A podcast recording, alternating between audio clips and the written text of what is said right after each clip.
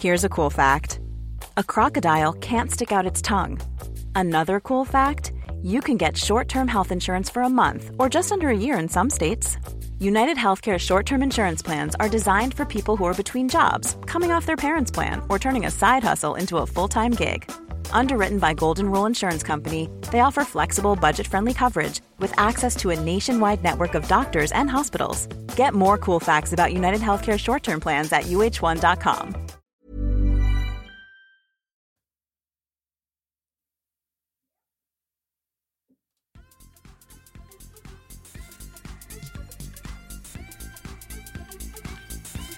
I veckans avsnitt så gräver vi ner oss i den gångna helgen som innehöll European Open och President Cup. Vi ger er även en inblick i kommande helgs nationella tour i Luleå. Hej Tommy, Va? hur är läget? Det är bra. Med Ja. andan i halsen så är det väl bra ändå, måste jag säga. Ibland känns det som att vi tar oss vatten över huvudet, Nicke, men eh, som vi lovat så trycker vi ut ett avsnitt även denna vecka. Har vatten över huvudet vet jag inte, men... men Du, jag, jag är... s- Det känns som att det går i ett här, du. ja, Jag har och, typ sovit vaken. och tänk ändå en gång i tiden körde vi två avsnitt i veckan. Gick det ja? Ja, det var på den tiden man inte hade några visioner med livet, eller får jag säga.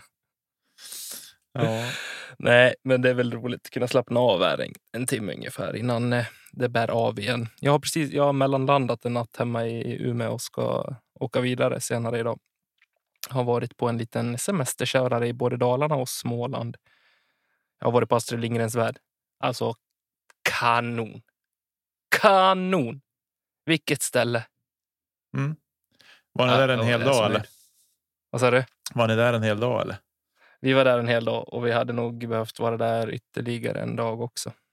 Just det. Få hinna med allting. Men, men, så är det. Får bli en, en resa nästa år igen kanske. Ja. Hur, hur är det med du? Eh, det är helt okej utifrån förutsättningarna.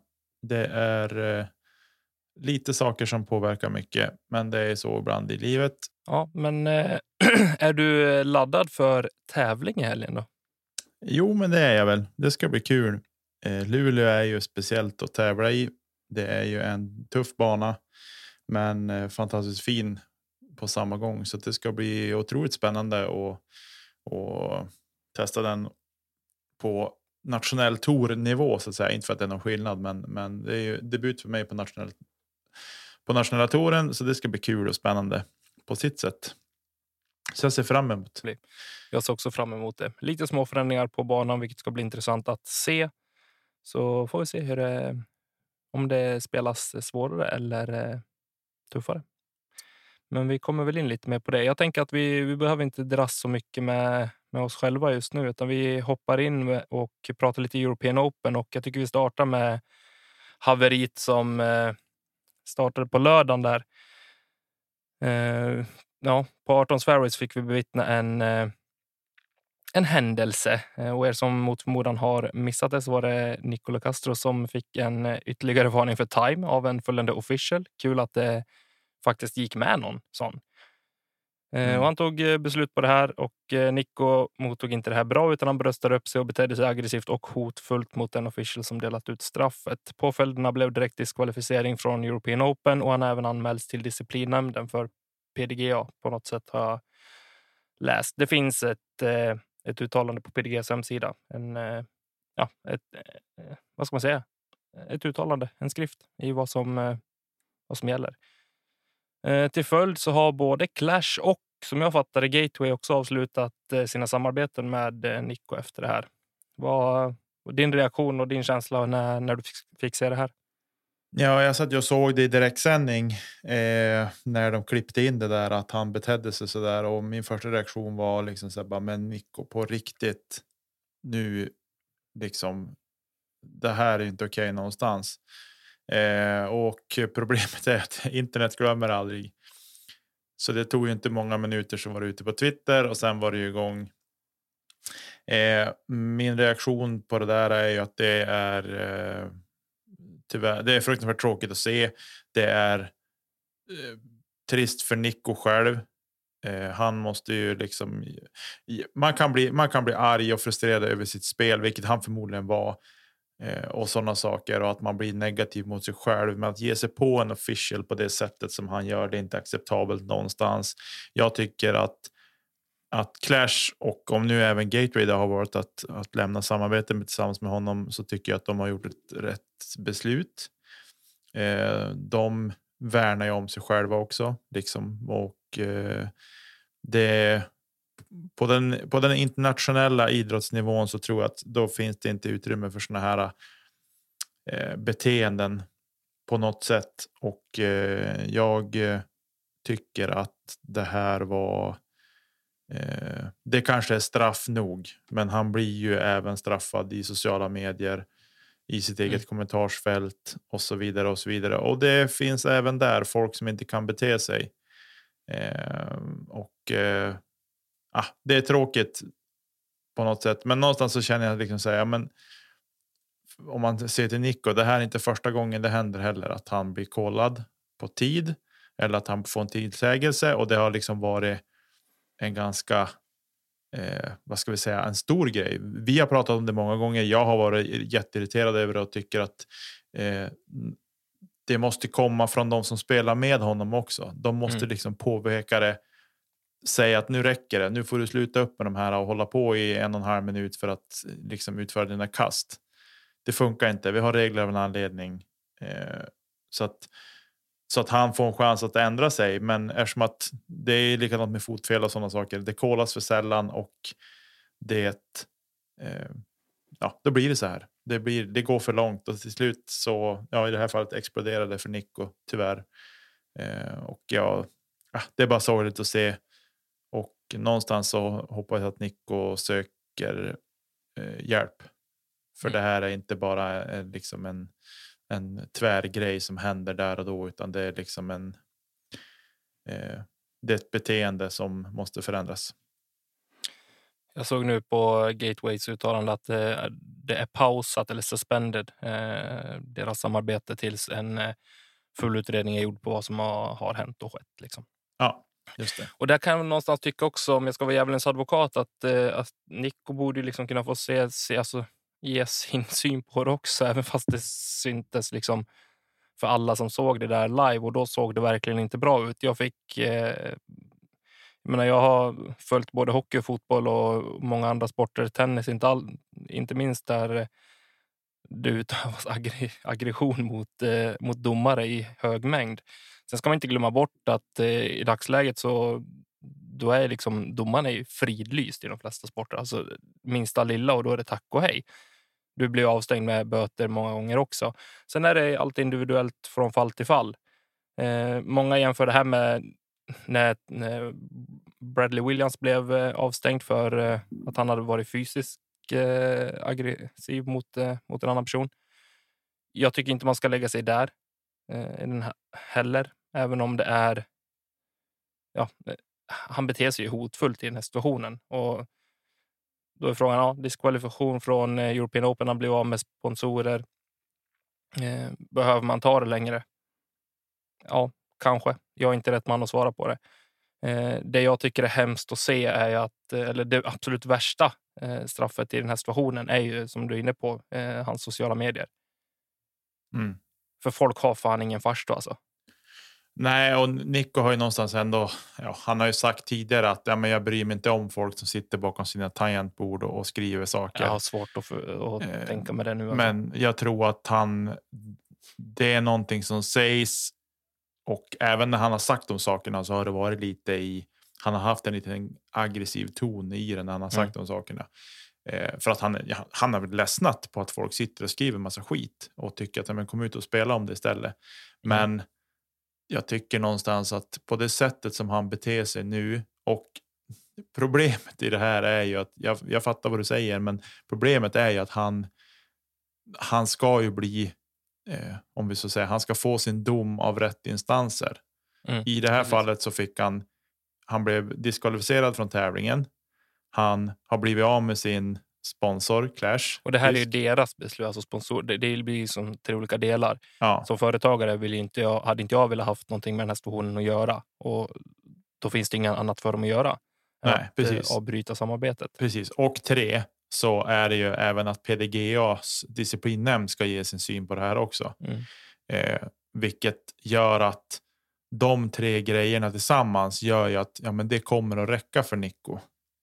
Eh, och sen även att om han nu tar hjälp och jobbar med någon att för att få komma till rätta med de här problemen. För om man nu ser till om vi nu tar eh, Bradley Williams som en parallell till det här så har ju han blivit en helt annan människa efter att han tog hjälp. Eh, och så. Och jag för mig som, som har missat den biten eh, så har jag, jag har svårt att se att de sakerna eh, ens ska ske. För jag tycker att han, han upplevs som en väldigt mjuk och ödmjuk och eh, trevlig människa så av det man har sett honom. Så att, men jag tycker att det som du säger också att han får en dom även i sociala medier och internet glömmer aldrig. Det är det som är eh, problemet i det här. Men eh, någonstans. Jag tror att många uttrycker sin aggression också utefter att det har pågått så länge. Att han har varit under lupp under så lång tid med just sin, eh, sin tid och sin aggression. Eh, det finns hur många videos som helst, liksom compilations på när Nico ballar ur totalt på en discgolfbana. Och jag tror utan att det liksom har blivit någon större antingen bestraffning eller en större utredning på det hela så då har folk tröttnat nu. Sen tycker inte jag någonstans att det är okej okay att bete sig som man gör då, för då bevisar man att man själv är precis lika illa. Ja, absolut. Men och sen är det det och problemet är ju också att jag tror att Nico har inte tagit till sig det här för det har inte kommit från tillräckligt många som han har spelat med eller från hans sponsorer eller någonting. Att du måste skärpa till dig mm. kring de här sakerna. Jag tror att utan att veta, jag vet ju inte. Det, det kan han säkert ha varit så att det har hänt och då kan jag tycka någonstans att då är det nästan värre att han inte har fått till ett ändrat beteende kring det här. Om det är så att det är folk i hans närhet, sponsorer eh, och andra liksom spelare medspelare som tycker att du tar för lång tid på dig. Du måste jobba med de här bitarna. Eh, om det ändå har skett och han inte har förändrat det, då tycker jag att ja, men då, då har du haft alla chanser i världen att, att få till en förändring för det här. Nu har du inte eh, om du bara anser om det bara kommer liksom från folk som sitter och skriver i kommentarstrådar, då fattar jag att han inte har tagit till sig det eftersom att han har den förhållningen till ja, tangentbordssoldater eller vad han kallar dem för. Mm. Eh, så att, men äh, tråkigt. Han, han får en dom som kanske är hårdare än vad den behöver vara, men samtidigt tänker jag att den behövs och sen får vi se liksom vad som vad som händer av det här och vad. Vad det blir av allting. Så vem som vill ta i honom. Just nu känns det som att ingen kanske riktigt vill ta i honom med tången. Eh, det är den spontana spontana känslan. Mm. Jag försöker bara ha, liksom, ha en objektiv syn på det hela, men det är svårt också när det, det är ju bara han. Alltså, på plats är det bara han som gör fel. Ja, alltså utan att man, man hade det hade varit intressant att se hur det hade sett ut tidigare under rundan. Mm. Har spelarna påpekat? För jag tycker att man Troligtvis hör... inte eftersom att de hade en official med sig också. Nej, precis. Men de hade en official med sig som sa att det här är fjärde gången nu. Mm. Och det är det jag tror är att och då är frågan. Är det fjärde gången han blir tillsagd eller är det liksom? Eh, vad, vad är det han menar där? Det vet vi ju inte, men Nej. han får en varning. Han får ett prickkast på ett till prickkast på hålet eh, vet jag och det är ju för tidsvarningen. Men eh, ja, i alla fulla fall så. Eh, det är tråkigt att se som åskådare. Jag hoppas att Nico får hjälp och att han kan, för han är en fantastisk discgolfare. Det vet vi ju, men han. Har även en.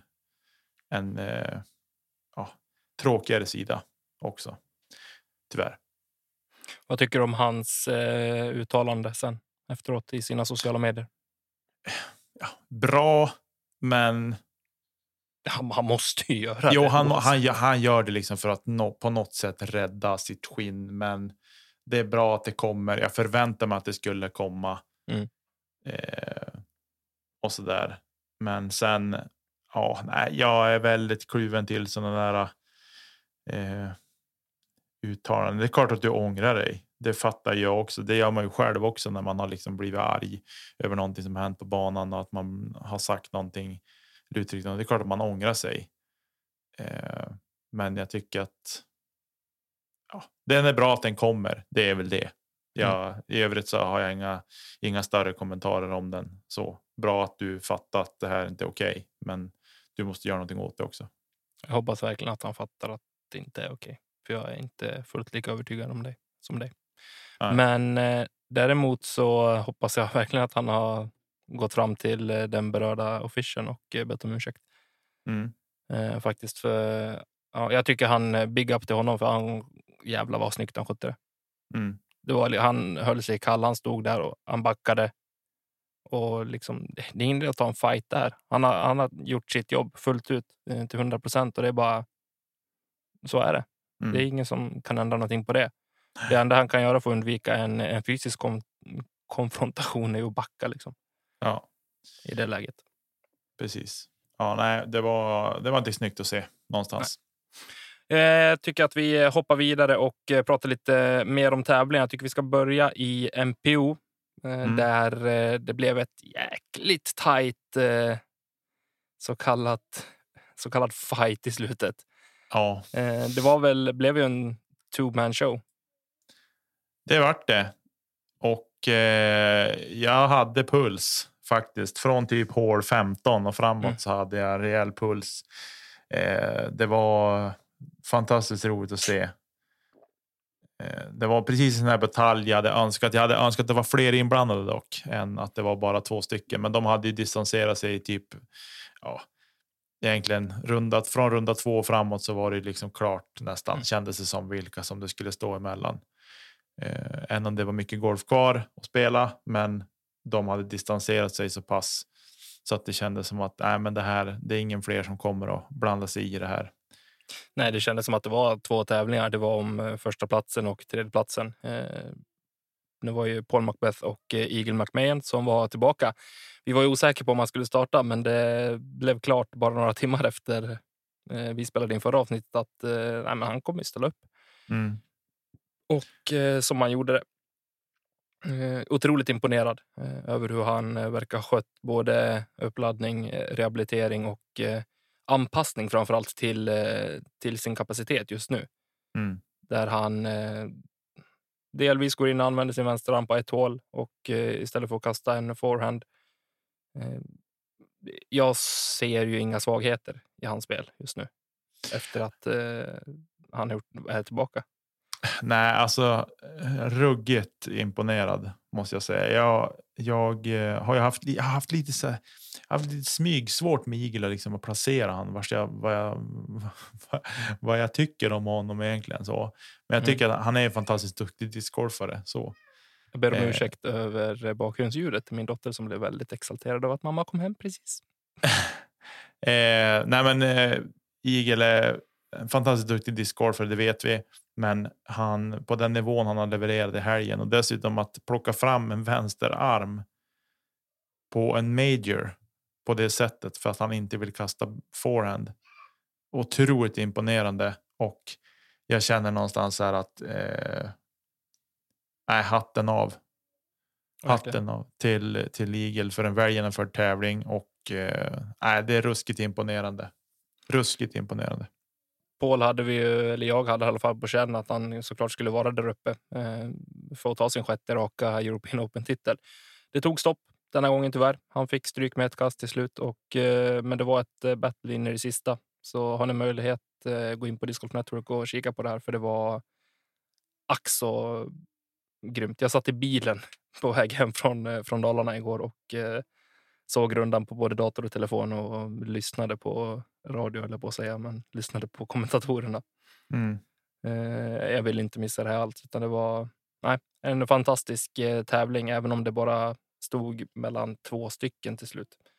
Ja. Eh, det var tajtare om tredjeplatsen. Till slut så var det Kevin Jones som tog den före Niklas Antila som slutade på en fjärde plats. Så trippelt amerikanskt i toppen och det här visar väl bara fortfarande på att eh, ja, Europa är en bra bit efter på här sidan fortfarande.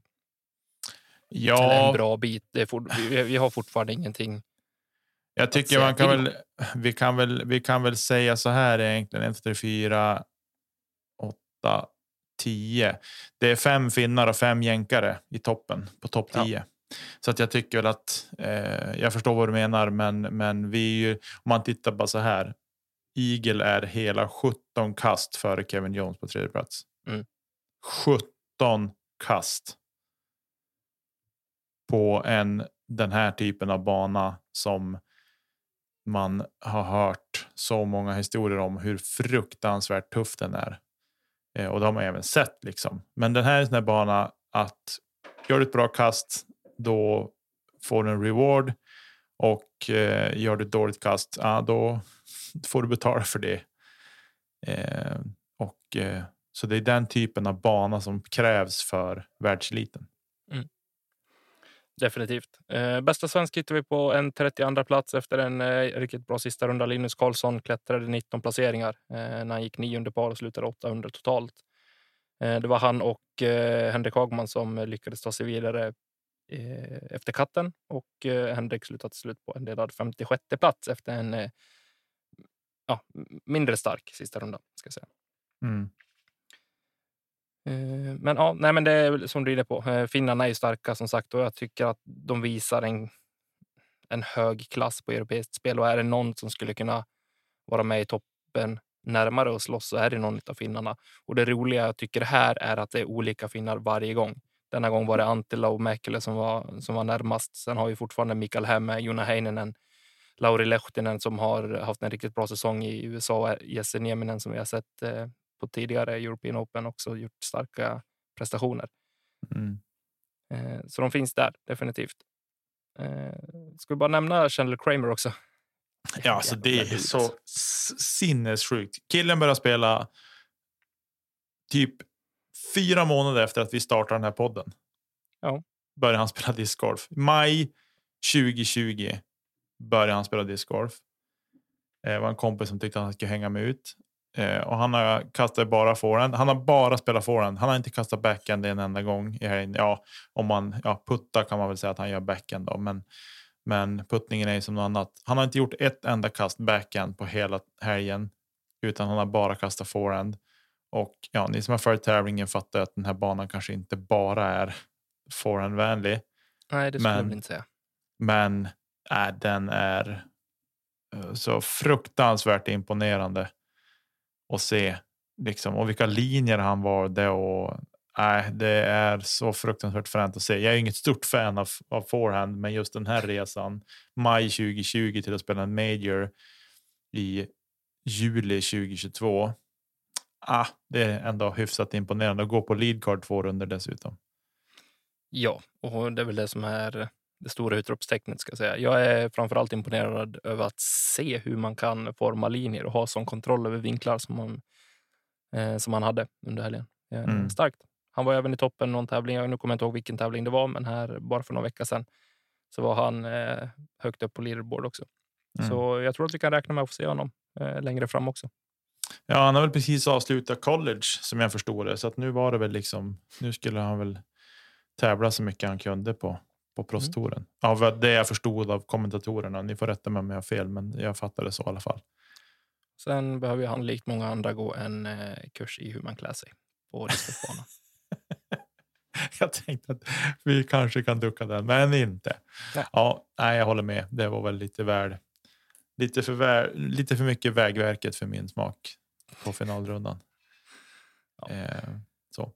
Men eh, så är det. Eh, vi kan väl hoppa vidare till FPO innan jag gräver ner mig i Rickes hatt också. Men eh, vi tar FPO istället. Eh, ja. Det var tajt och vi hade förhoppningar på eh, europeiskt här också. Mm. Men inte den här gången heller. Jag är så In, ledsen. Inte den här gången heller. Vi, men vi får väl glädjas åt att det är mycket mer spridning här bland länderna så att säga. Mm. Det är, på så vis är det tajtare mellan på damsidan än vad det är ja, på, på här sidan. Det kan vi top, konstatera. Topp 10 har vi fyra olika national, nationer. Ja. Eh, i. Så det är ju kul. Eh, jag måste bara flika in med att eh, min bubblare Anniken Steen tog en delad nionde plats och det är topp 10. Så att eh, Mm. Ta väl åt med den lite grann sådär. Ja, jag såg hon var, de visade någon, de visade hennes putt på 18 på sista rundan. Mm. Så det var väl typ det jag har sett av henne. Eh, om man har sett henne skymta förbi någon gång sådär. Eh, men jag har inte sett, eftersom de börjar så tidigt på morgonen så har man ju haft alla chanser att se den till morgonkaffet. Men då man har semester så har man förmåga att vända på dygnet. Så jag har sett som slutet, sista sju hålen har jag väl sett på, på några runder. Inte alla runder, men några runder. Jag har slagit på efter sju, åtta hål där någon gång varje morgon. Eh, somnat lite grann och sett eh, sista fyra. Men eh, som du säger, semestertider. Och eh, vi gnäller när det är för sent på kvällen och vi gnäller när det går på europeisk Ja, vi- prime time. så lagom. Det är väl Vi så. aldrig nöjda. Pierce eh, tar hem det här. Eh, hon spelar bra. Ja, det finns inte så mycket att säga. Hon eh, vinner rättvist. Ja, alltså, ja, men går man på par i sista rundan så tycker jag att man, man eh, liksom får. Ja, det får man vara nöjd med. Definitivt. Och eh, det, det var ju en fight mellan henne och Evelina Salonen som eh, också gjorde det bra. Hon gick hot round runda två, eh, fyra under par, vilket hade gett henne typ topp 20 i, eh, i Open eller i MPO under den Mm. rundan. Det är inte fy skam. Nej, den var ju tydligen jättehögt. Vi ska se här hur högt vad hon fick för rating på den rundan.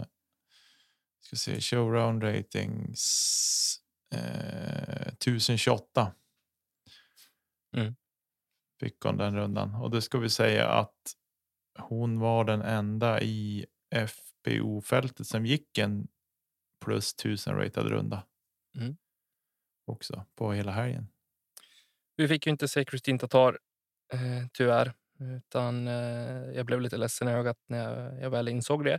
Men eh, ja, hon har ju gått ut eh, och sagt efteråt i sina sociala medier att eh, hon är jätteledsen att hon inte kunde delta, men är eh, på rätt väg framåt och hoppas kunna spela discgolf på högsta nivå snart igen. Hon har eh, jätteproblem med sin armbåge. Mm. Evelina Salonen slutar tvåa och Henna Blomros tar tredjeplatsen. Så här har vi i alla fall eh, två europeer på pallen. Eh, Henna knuffade ner Katrin Allen och Kat Merch i sista rundan. där. Mm. På sista hålet egentligen Ja, kan man sista säga. hålet. Till och med. Hon tog en trea. Precis. Och Katrina, Katrina tog en femma och Cat Merch tog en. Hon spelade bort sig tidigare under rundan. Hon, men hon var glad ändå. Hon, eh, jag tyckte att hon ja, var lite sur sådär när hon hade missat, men sen tyckte jag att hon var visade upp ett, ett eh, glatt humör ändå. Tycker att hon sett. gör en jättefin turnering sett över hela helgen. Eh, Ja, Det är så här, otroligt intressant spelare eh, i mina ögon. Jag eh, har följt henne lite smått ja, men, eh, från början på säsongen egentligen när hon började poppa upp på det ena leadcardet efter det andra. Och, eh, nej, otroligt imponerad. Det ska bli kul att följa henne mm. framöver också. Och för första gången på länge så ser vi Kona Star Panis på en eh, ja, rätt okej placering ändå, en, sjätte, plats. ja, det tycker jag. Jag tycker att hon ska vara nöjd med det. Eh, plus den sista rundan dessutom. Det tycker jag även. Tycker jag också att hon ska vara nöjd med. Verkligen. Eh, hon har haft det tufft på, på slutet och haft ett par. Hon, har, hon hade en tuff första runda.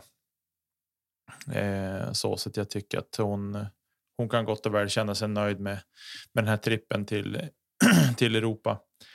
Eh, I övrigt så tycker jag väl att jag varit lite. eh, Evelina, hon, hon spelade mycket forehand på inspel Mm. vilket skulle straffa sig ordentligt på hål 17. Eh, och eh, ja, det var trist att se.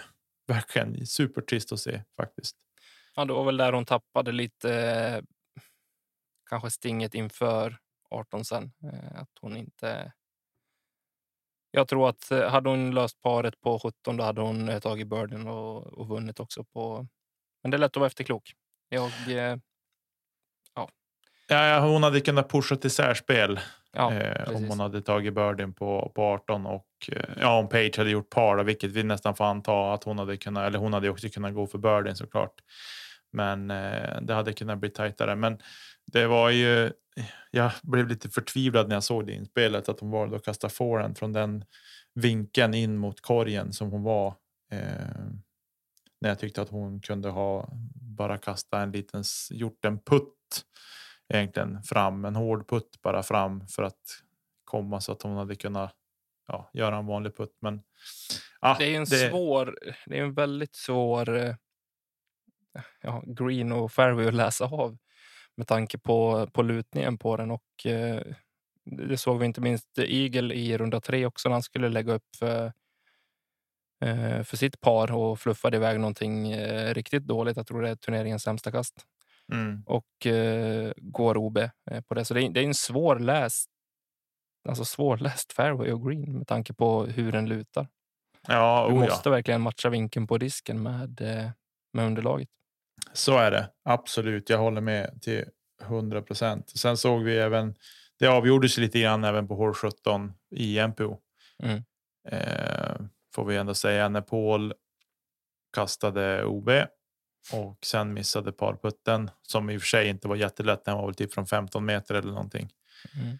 Eh, Medan Eagle låg inbound så kunde lägga upp eh, och ta paret. Han hade lite flax faktiskt. Han, han gjorde väl ett halvdant så han träffade foten på på korgen och eftersom att den här banan inte är permanent så så är det ju en. Eh, ja. En portabel korg som de kallar det för, men en flyttbar korg med med fot och han träffade foten. Disken höll på att ställa sig upp och rulla, men den la sig precis bredvid, så det var lite. Han hade lite tur där i igel också ska vi säga. Ja. Men tur ska man ha när man är eh, som bäst. Men eh, om vi hoppar tillbaka till FPO igen så tänker jag vad. Nu spelar de ju.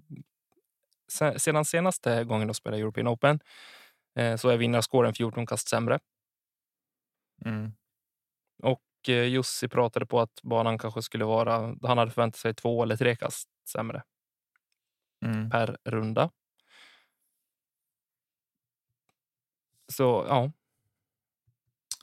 Är det där någonstans där vi ser? Eller vad, ja, vad är din tanke? Eh, min tanke är, de har ju gjort om några hål.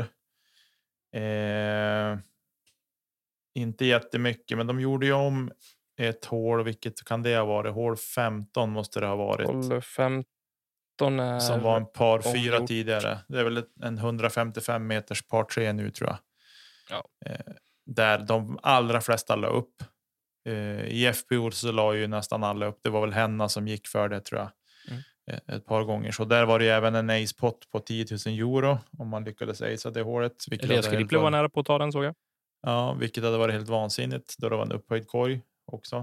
Eh, men eh, det hålet var gjort om. Det var en par fyra tider så var det väl kanske. Ja, vet inte 50 60 meter längre också. Tror jag. Det hålet har han gjort om nu till en par tre och kortat av det lite grann och det hålet har nog höjt. Det ska jag säga har gjort banan. Ja, om inte två kast svårare. Eh, jag tror att de kommer ta tillbaka den eller göra om det igen. Eh, det här var in, i mina ögon inte en rolig eller bra förändring för, eh, för banan heller. Men de var inne på det, Nate Oss framför allt, att man kanske behöver ge det någon, några tävlingar innan man tar beslut på det. Men jag tror att de kommer vara ganska snabbt att uh, göra om det igen. Ja, jag tror det också. Jag tycker väl att det var lite. Det hålet kanske inte var. Det var ju liksom en riktig score separator. Det mm. kan man inte säga någonting om, men i övrigt så tycker jag kanske inte att det var ett jättebra hål som par fyra som det spelades tidigare så tycker jag att det var ett bra hål för din landningszonen var inte jättestor ändå. Nej. Tidigare och ofta så ville de ju kasta. Ville, de, ville man ju kasta någonting lite snabbare. Eh, Calvin visade på prov med en igel hur man kunde kasta bara rakt på korg som på ett snöre. Eh, och så Simon han gick på storhajsern och parkerade hålet Eh, men eh, jag tycker att par fyran var roligare att se på också. Jag tror att den är nog roligare att spela också utan att. Men det är den spontana reaktionen jag har på det mm. hålet. Eh, vi har en stor debatt i Sverige nu gällande och vi har pratat mycket om det också att eh, anpassa FPO layouter och eh, anpassa MPO layouter utefter bästa förmåga. Det har varit stora diskussioner i Ska vi snacka discgolf om det också, för och nackdelar. Och folk, som, folk är inte riktigt överens. Inför den här tävlingen så var Elina glad att hon spelade samma som MPO för att hon tyckte själv om att jämföra sina score med MPO. Vart står jag mig någonstans? Ehm, den mentala inställningen gillar jag samtidigt som jag kanske inte tycker att kvaliteten på spelet blir riktigt lika underhållande heller på vissa av hålen ska jag säga. Jag tycker många hål här så kan de absolut spela samma layout, men vissa hål kanske de behöver tvika. Ja, det tycker jag. Jag tycker att det är. Man kan inte klandra sig fast hur länge som helst vid att köra samma, samma, samma, samma. Man måste titta lite grann på vad som händer och hur spelet utvecklas eller hur spelarna utvecklas ska jag säga. Eh, och lite sådana saker. Så att eh, jag tycker att det är. Jag tycker att det är en. Jag tycker att det är en jättesvår debatt, men någonstans så tycker jag liksom att eh, om vi tittar till den här debatten har ju kommit upp lite grann för att vi inte hade några svenska spelare med eller några svenskor med nu på European Open. Eh, vilket såklart är trist. Men vi hoppas ju in i framtiden att vi ska få se svenska spelare på European Open. Och, eh, men just det här med layoutfrågan så, så tycker jag vi är inte där än på svensk nivå. Eh, att vi ska spela samma layout som MPO. Nej. Det är väl den spontana tyckandet. Och det här med att man, man liksom säger men vi, vi räknar bara antalet kast. Jag fattar hur man tänker och det är det vi gör. Vi räknar antalet kast. Men just känslan av att ha gjort en birdie, hur den påverkar oss eh, kontra gjort en boogie, än om det vi fortfarande räknar antalet kast. Gör ju någonting med oss. Det gör det definitivt. Och det var den frågan som kom från Mattias Nilsson i Ska vi snacka discgolf också. Att, eh, ja, men hur det faktiskt påverkar. Ja. Eh, och är det så att ni har egna inspel på det så får ni gärna höra av er till oss på Kedja Ut också. Eh, på Instagram eller via mail. Mm. Så är det någonting vi kan föra vidare och ta en diskussion om också. Jag vet inte riktigt var jag står. Jag anser mig inte vara rätt man att eh, berätta vad FPO ska spela heller. Ja. Men du, pappa sitter lite trångt här. Han spelar i en podcast. Ja, vi ses snart älskling. Puss puss. Ursäkta mig. Som sagt, min, eh, min dotter var glad att mamma hade kommit hem. Och ville gärna berätta det. Nej, men det här med FPO. Eh, jag tycker väl att det är. Jag tycker inte riktigt att vi. Vi karar säger jag nu. Kärar. Kärar. Jag tycker att man ska, vi ska vara väldigt försiktiga i vad vi säger kring vad folk känner och inte känner när de har gjort en viss score på ett visst hål. Jag tycker att debatten ska man hålla tillsammans med de spelarna det berör primärt. Och, och med det sagt inte säga att ja, men då gör vi alla par 3 80 meter. Vi gör alla par 410 120 meter. Det är inte det jag säger. Utan, men jag tycker att man ska vara försiktig med att prata för mycket om vad någon annan ska känna och inte känna kring en viss score. Absolut. Jag håller med. Men vi lämnar det där. Jag ville bara plocka upp det och säga att eh, ja, så såg de på det här och eh, här spelar man eh, exakt samma layout alla fyra runder. Jajamän. Ja, men nu ska vi rulla vidare lite. Eh, det spelades ju lagtävling Presidents Cup också. Eh, och ja, eh, tyvärr så hann inte jag se den. Jag spenderade den dagen på, på GKs och eh, lyckades inte se så mycket. Jag såg på kvällen. Jag tyckte inte att singelspelet var så roligt att se på. Däremot matchspelet tyckte jag är desto roligare. Mm. Men ja, tyvärr så fick vi inte rätt här. Det, blev ingen europeisk vinst den här gången heller, utan USA tog sin tionde, tionde nej, Jo, tionde jo. raka. Tionde. Det var ju en avrättning. rakt, ja, rakt av. Det var det. Eh, det var eh, trist att se. Men eh, ja, det var. jag tyckte att det var, det är lite, det blir lite sån här. Jag tyckte att det var lite svårt att hänga med också i produktionen. Än om de gjorde mm. ett, ett, de gjorde ett bättre jobb än jag ändå trodde. Vi pratade om det lite grann innan. Att vi hoppas att de har gjort det, att de gör ett bra jobb och, och sådana saker. Men eh, ja, jag tyckte ändå att det var lite så här, ja, lite svårt att hänga med i vad allting vad som hände totalt sett över. Över den tävlingen. Men eh, kul, kul upplägg var det ändå och eh, trist att jänkarna fick vinna än en gång. De blir så sturska på sig. Men mm. för varje seger så kommer de närmare en förlust också. Ja, jänkarhatet eh, fortsätter bubbla.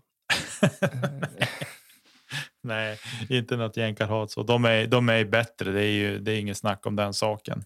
Sen hade man väl kanske hoppats att vissa av våra europeiska spelare skulle leverera mer än vad de kanske gjorde. Men ja, jag vet inte om det där är, är liksom utfallet av att de är så mycket bättre eller om det var bara där och då.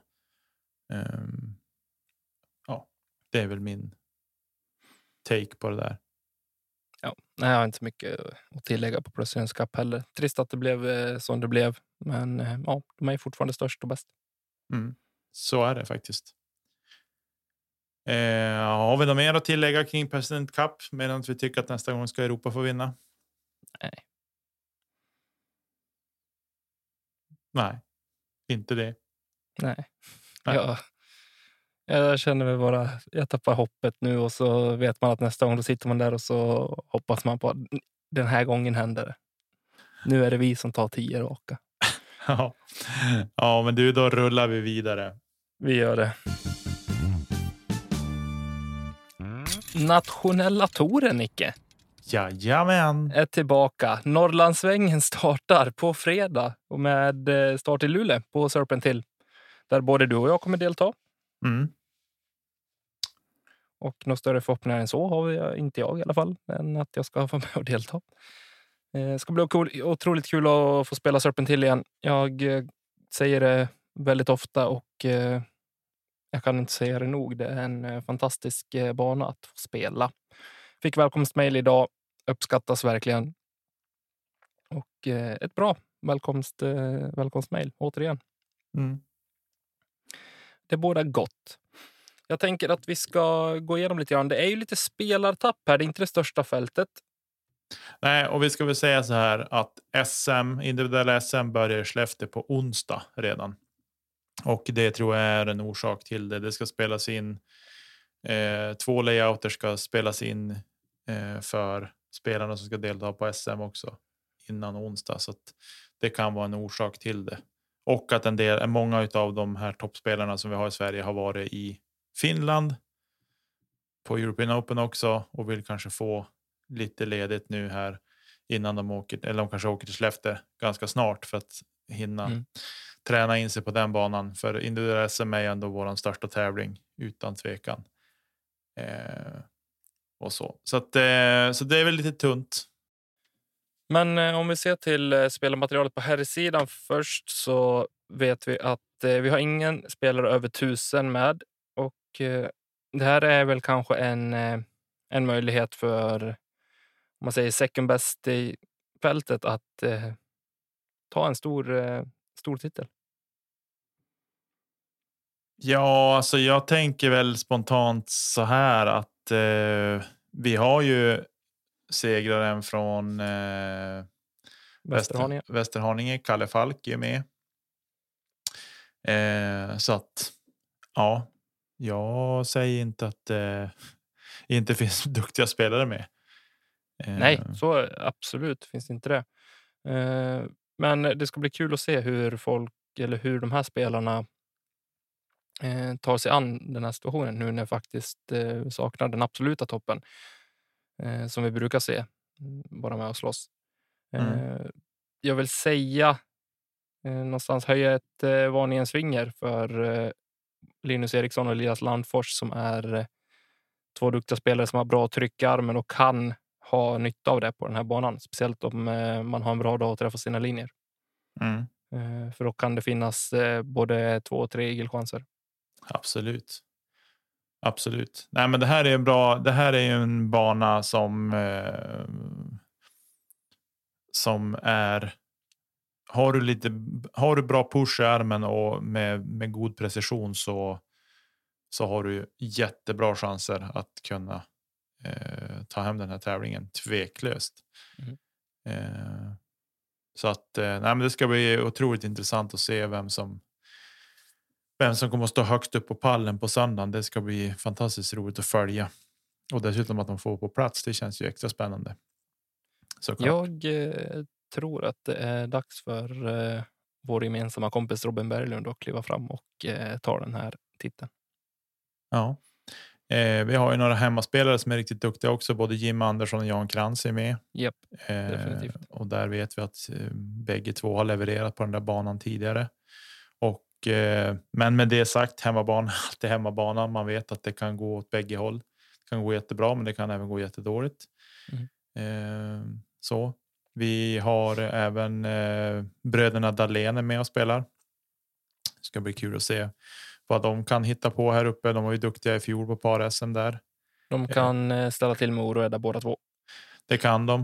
Eh, våran kompis Melker Molin är med och kör. Eh, ja, men det är ett fint startfält. Jag tycker att det ska bli eh, spännande att följa hela tävlingen och ska även vara roligt. Så vi får ju se ganska mycket av av eh, eh, lokala spelare också. Mm. Eh, vilket ska bli, det kommer att kännas lite som en gammal klassisk Norrlandstour. Eh, men med, med lite, vi kryddar med lite sörlänningar. Så det blir Jag kul. hoppas inte det kommer kännas som en gammal traditionell Norrlandstour. nej, det tror jag inte heller. Det tror jag inte heller. Men, eh, nej, men det ska bli kul och spännande att se eh, hur det ser ut. Vi har tio startande även i Promaster 40 och sen har vi ju FPO har vi sju startande. Vi har åtta, nio juniorer har vi totalt. Vi har en junior i under 15 också i Elmer Furustig som ställer upp och är med. Ehm, så att eh, ja, nej, men det ska bli spännande att se vad som kommer att ske på Serpent Hill. Mm. Vad har du för förhoppningar själv? Jag har förhoppningar på att det ska bli en jäkligt tight fight i FPO fältet. Mm. Eh, vi saknar både Matilda Ringbom och eh, Sofie Björlycke här och eh, jag tror att det blir en tight fight eh, om segern här. Eh, där jag hoppas till slut att eh, Elina står högst, högst upp på pallen. det kommer bli tufft, men Josefin Johansson som haft en otroligt fin säsong är, är på plats. Sen vet man aldrig vad Larre kan ställa till med heller när hon är på humör. Nej, Eh, på det. Precis. Eh, ja, nej, ja, det ska bli spännande att se. Lina eh, har ju spelat den här banan tidigare också. Eh, och gjort det jäkligt bra ska sägas. Ja, precis. Så det känns ju spännande att se och eh, även med hennes utveckling under säsongen också så ska det bli intressant att se vad hon kan ställa till med där. Men det ska bli kul att se hela startfältet för FPO. Verkligen. Verkligen. Ja, vad har vi mer att säga? Totalställningen kan vi ta en snabb kik på. Eh, där vi har Karl Falk i täten med 187 inspelade poäng. Eh, före Emil Eriksson och Henrik Jakobsson, Jakobsson på delad andra plats med 177 poäng och sen har vi Johan Davidsson och Ture Valtonen strax därefter på 176 inspelade poäng. Och sen är det ett litet hopp ner till Dennis Augustsson. Eh, och det är en, en drös med spelare här som bara har spelat en tävling också ska vi säga. Eh, det är inte alla som har spelat två. Eh, men eh, ja, det är en spännande tävling som kommer och jag, jag ser verkligen. En annan kliver ju in där på en 33 plats. Det är man ju nästan nöjd med. Ja, det tycker jag du ska vara. Kommer att klättra till helgen också dessutom. Jag ligger ju före Henrik Hagman. Han har ju bara 100 poäng han. Nej, jag gör inte ens det. Han har spelat en tävling och har fler poäng än mig i alla fall. Satan. Men jag har spelat två tävlingar. Det var därför. Mm. Ja. Men eh, synd att det inte är fler som eh, har spelat fler, för då hade det varit eh, tajt där uppe. Mm, absolut, det hade det varit. Det hade det varit.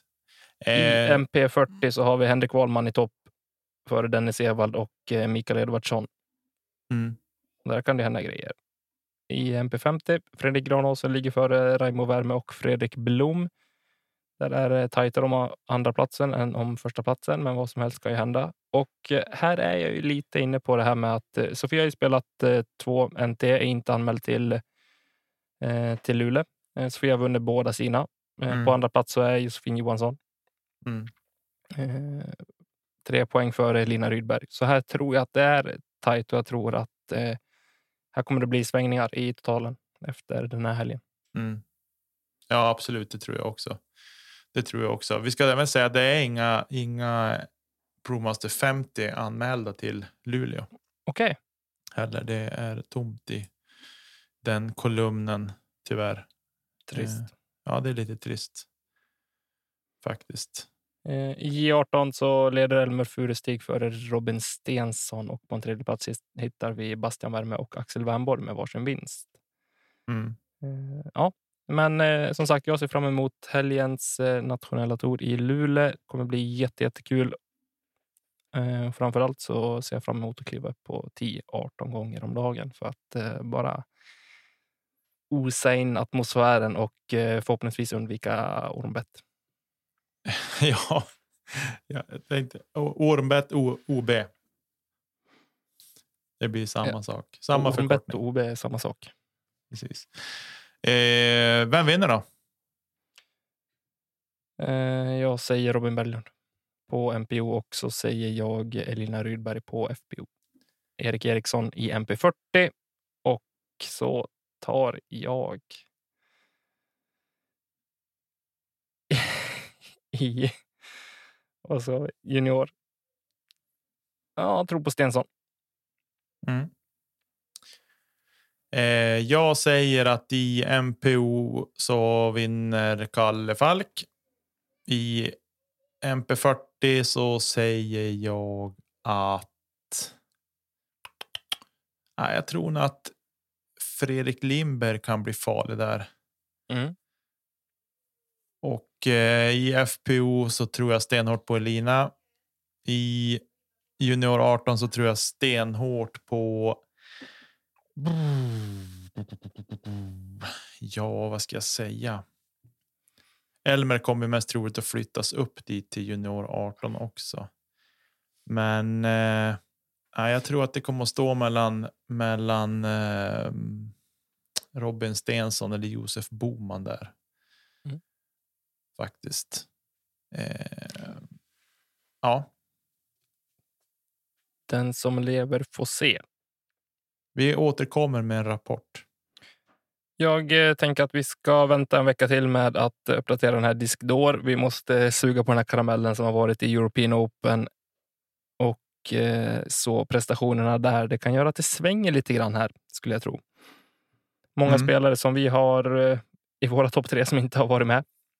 Nej. Och flera spelare som har visat prov på otroligt fin discgolf. Så här behöver vi en veckas till betänketid.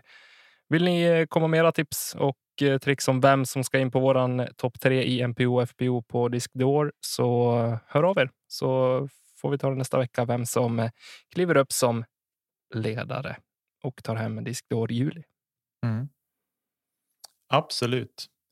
Ja, men du, ska vi börja runda av och knyta ihop den här säcken tycker vi. Det tycker jag.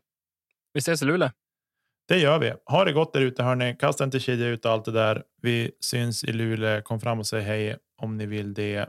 Om ni känner igen oss ute på banan och så. Vi säger inte vilket hotell vi bor på.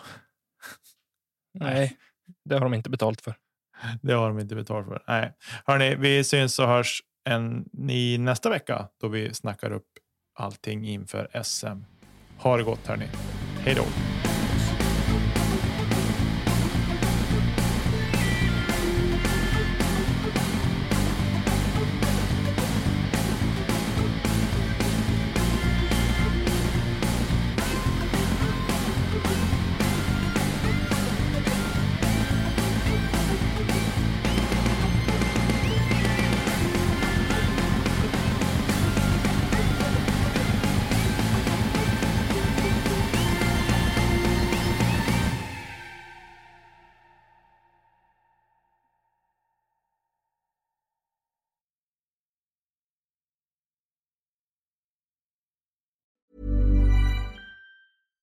Catch yourself eating the same flavorless dinner three days in a row?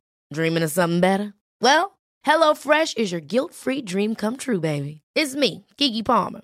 Let's wake up those taste buds with hot, juicy pecan-crusted chicken or garlic butter shrimp scampi. Mm. Hello Fresh. Stop dreaming of all the delicious possibilities and dig in at HelloFresh.com. Let's get this dinner party started.